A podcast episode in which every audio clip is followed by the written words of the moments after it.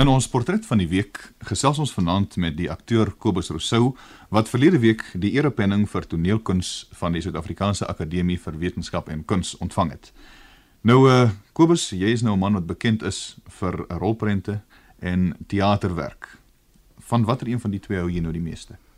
Of is dit 'n onregverdige vraag? Nee, dis 'n onregverdige vraag en ek nee, ek dink ek uh, verkies al albei nog, maar nog steeds uh, soos nie verlede. Uh jy weet ek het begin as 'n toneelspeler op die verhoog en uh ek gaan nog maar steeds van tyd tot tyd terug verhoog toe. Maar sedert daar, wanneer was dit 1968 se kant.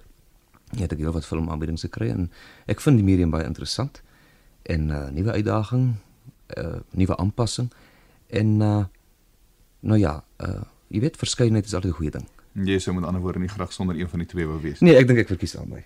Ja. Wanneer het jy nou begin belangstel in toneelkuns? Is dit nou 'n ding wat van die vroeë dae afkom?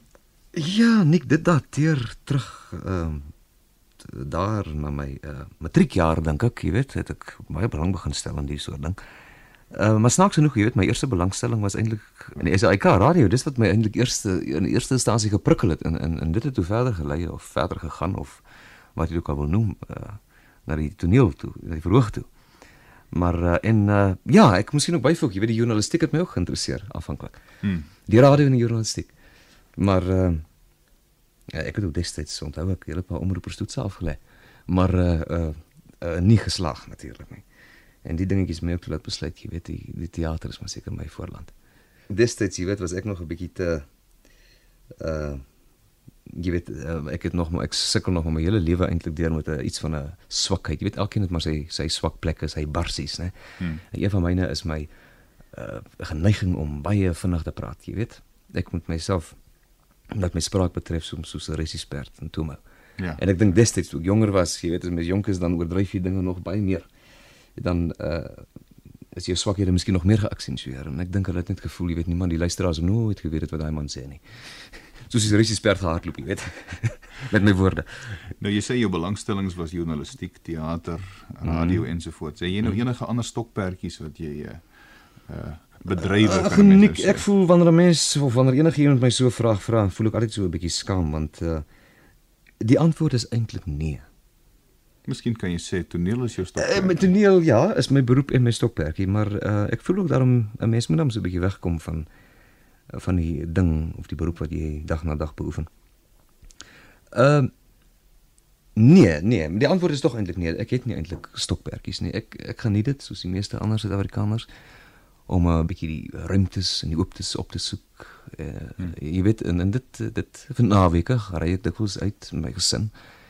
En uh O ja, en iets anders en uh, ek weet nou nie of mense dit 'n stokperdjie uh, kan noem nie, maar uh, waarvoor ek baie lief is uh, tuis by my huis is om uh, na musiek te luister. Mhm. Mm Ehm uh, alle soorte musiek, maar hoofsaaklik eintlik die wat ons nou sê die klassieke.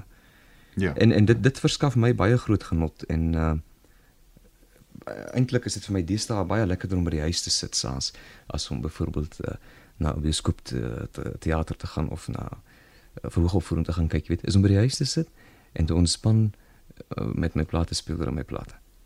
Gaan jy baie toneel en bioskoop toe? Wel, ek is veronderstel om te gaan. Ek bedoel nou as toeskouer. En en, en dis uh, is soveel as moontlik te sien, maar uh, jy weet as 'n mens ook maar aan mekaar besig is met met uh, met spel, jy weet op ja. voor die kameras of op die verhoog dan uh, dan probeer mense soms so 'n bietjie, jy weet, dis nie dat jy moeg word daarvoor nie, dis nie dat jy nie belangstel meer nie. En dis nie dat jy nie jou uh, medespelers se werk wil sien nie.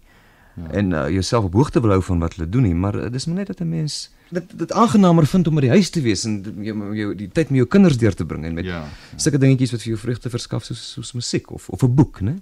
Hmm. Uh Kobus, uh, die meeste mense buitekant die teaterkringe dink dat spelers normaalweg baie temperamenteel en bevoeterd is. Sou jy jouself as 'n temperamentele mens beskou? Mm, ja, nik uh, ja, ek sal seker as ek baie eerlik moet wees, ek is 'n uh, redelike temperamentele soort mens.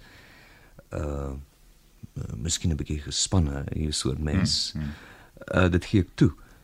Maar uh ek probeer daarom baie hard of miskien ook nie so hard nie, maar ek probeer daarom uh, dat die dinge nou nie op loop my sit nie. Hmm. Uh, so ek dink nie dat ek oor die algemeen ek hoop in elk geval nie so nie dat my kollegas my beskou as 'n baie temperamentele en onaangename soort mens nie. Ek dink nie ek praat miskien onder korreksie, maar ek dink nie ek het daai reputasie nie. Ja. ja. Jy raak met ander woorde nooit uh, afgetrokke as jy besig is om te skiet of terwyl jy besig is met 'n speelvak van 'n toneelstuk. Jy raak nie Ja, my mens dit afhangende natuurlik ook weer van wat mens speel. Daar is sommige rolle wat mens meer uh mens byna miskien noop om afgetrokke te raak, jy weet. En, hmm. en dit gebeur natuurlik ook so ek sê veral met repetisietye.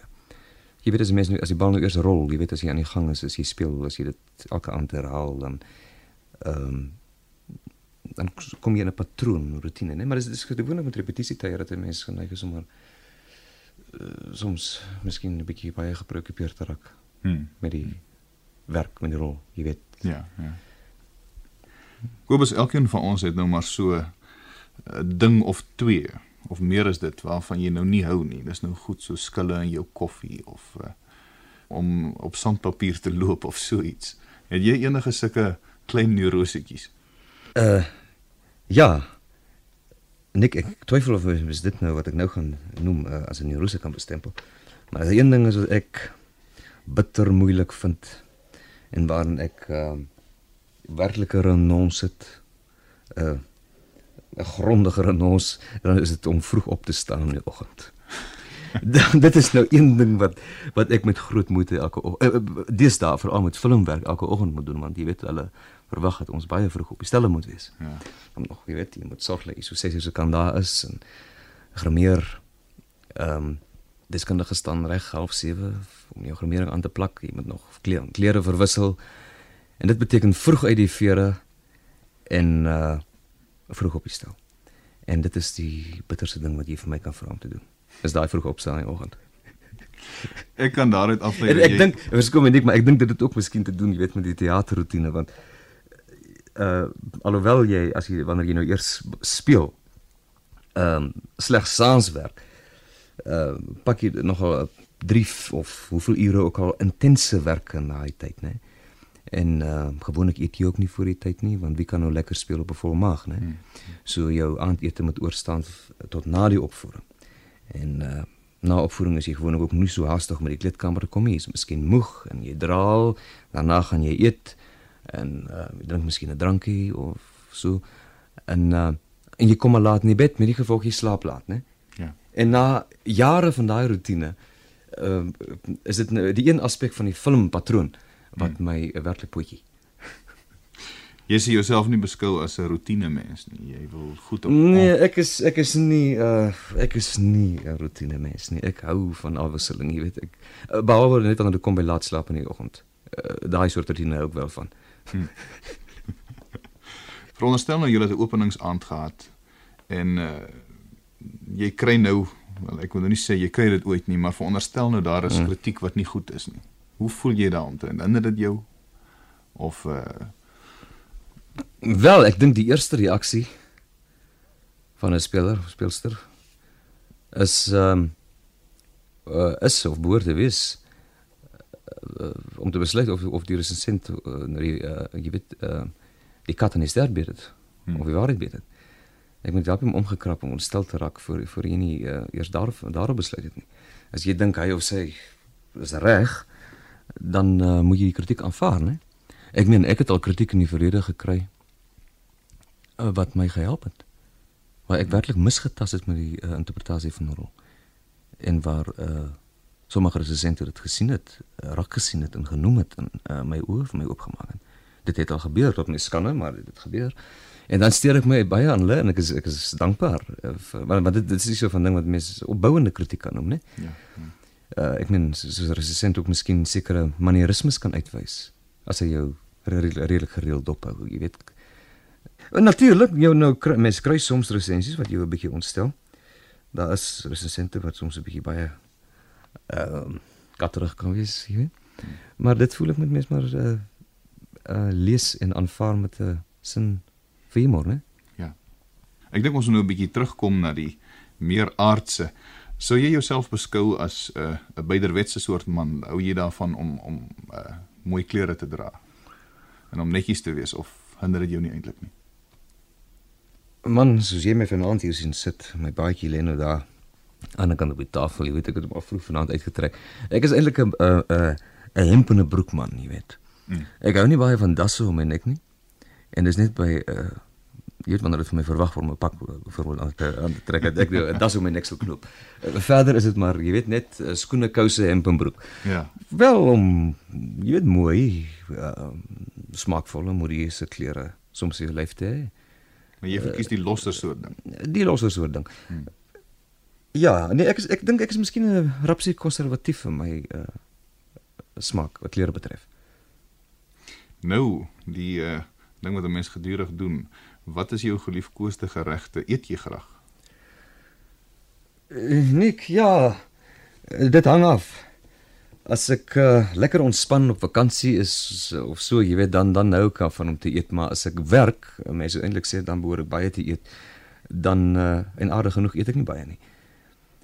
Ehm uh, Maar om lekker te eet is natuurlik altyd uh, baie aangename tydsverdryf, jy weet. En verder moet 'n mens natuurlik aan die lewe bly. Ja. Maar as ek net nou ek net nou verwys na my uh jy weet 100 uh, hoeveel 134 pond, jy weet ek kan nie vreeslik baie verorber nie. Maar, maar nou en dan jou... is 'n lekker stuk biefstuk of 'n uh, uh, visgeregte, jy weet ek is 'n ou Kaapenaar, jy weet ek hou van die see en van sy uh, inhoud. Ek is lief vir vis. En as ek in die Kaap kom, is dit maar gewoonlik reg waarvoor ek uh, veral in die Kaap, jy weet jy, as die atmosfeer is ook daar reg. Ja. Nou uh, ons het nog nie gesels oor jou familie nie. Uh, Jy's nog getroud met Sandra Kotse. Dis reg, ja. Uh hoeveel kinders het julle? Uh, twee. Nik uh, sien 'n dogtertjie, 4 jaar en 'n seentjie van 2 en uh, nou ja, dan is die derde een ook al feitelik weer daar. Hmm. So ek word nou uh so stadig aan, jy weet, uh gaan die rugby span vol maak. O o o ehm ja.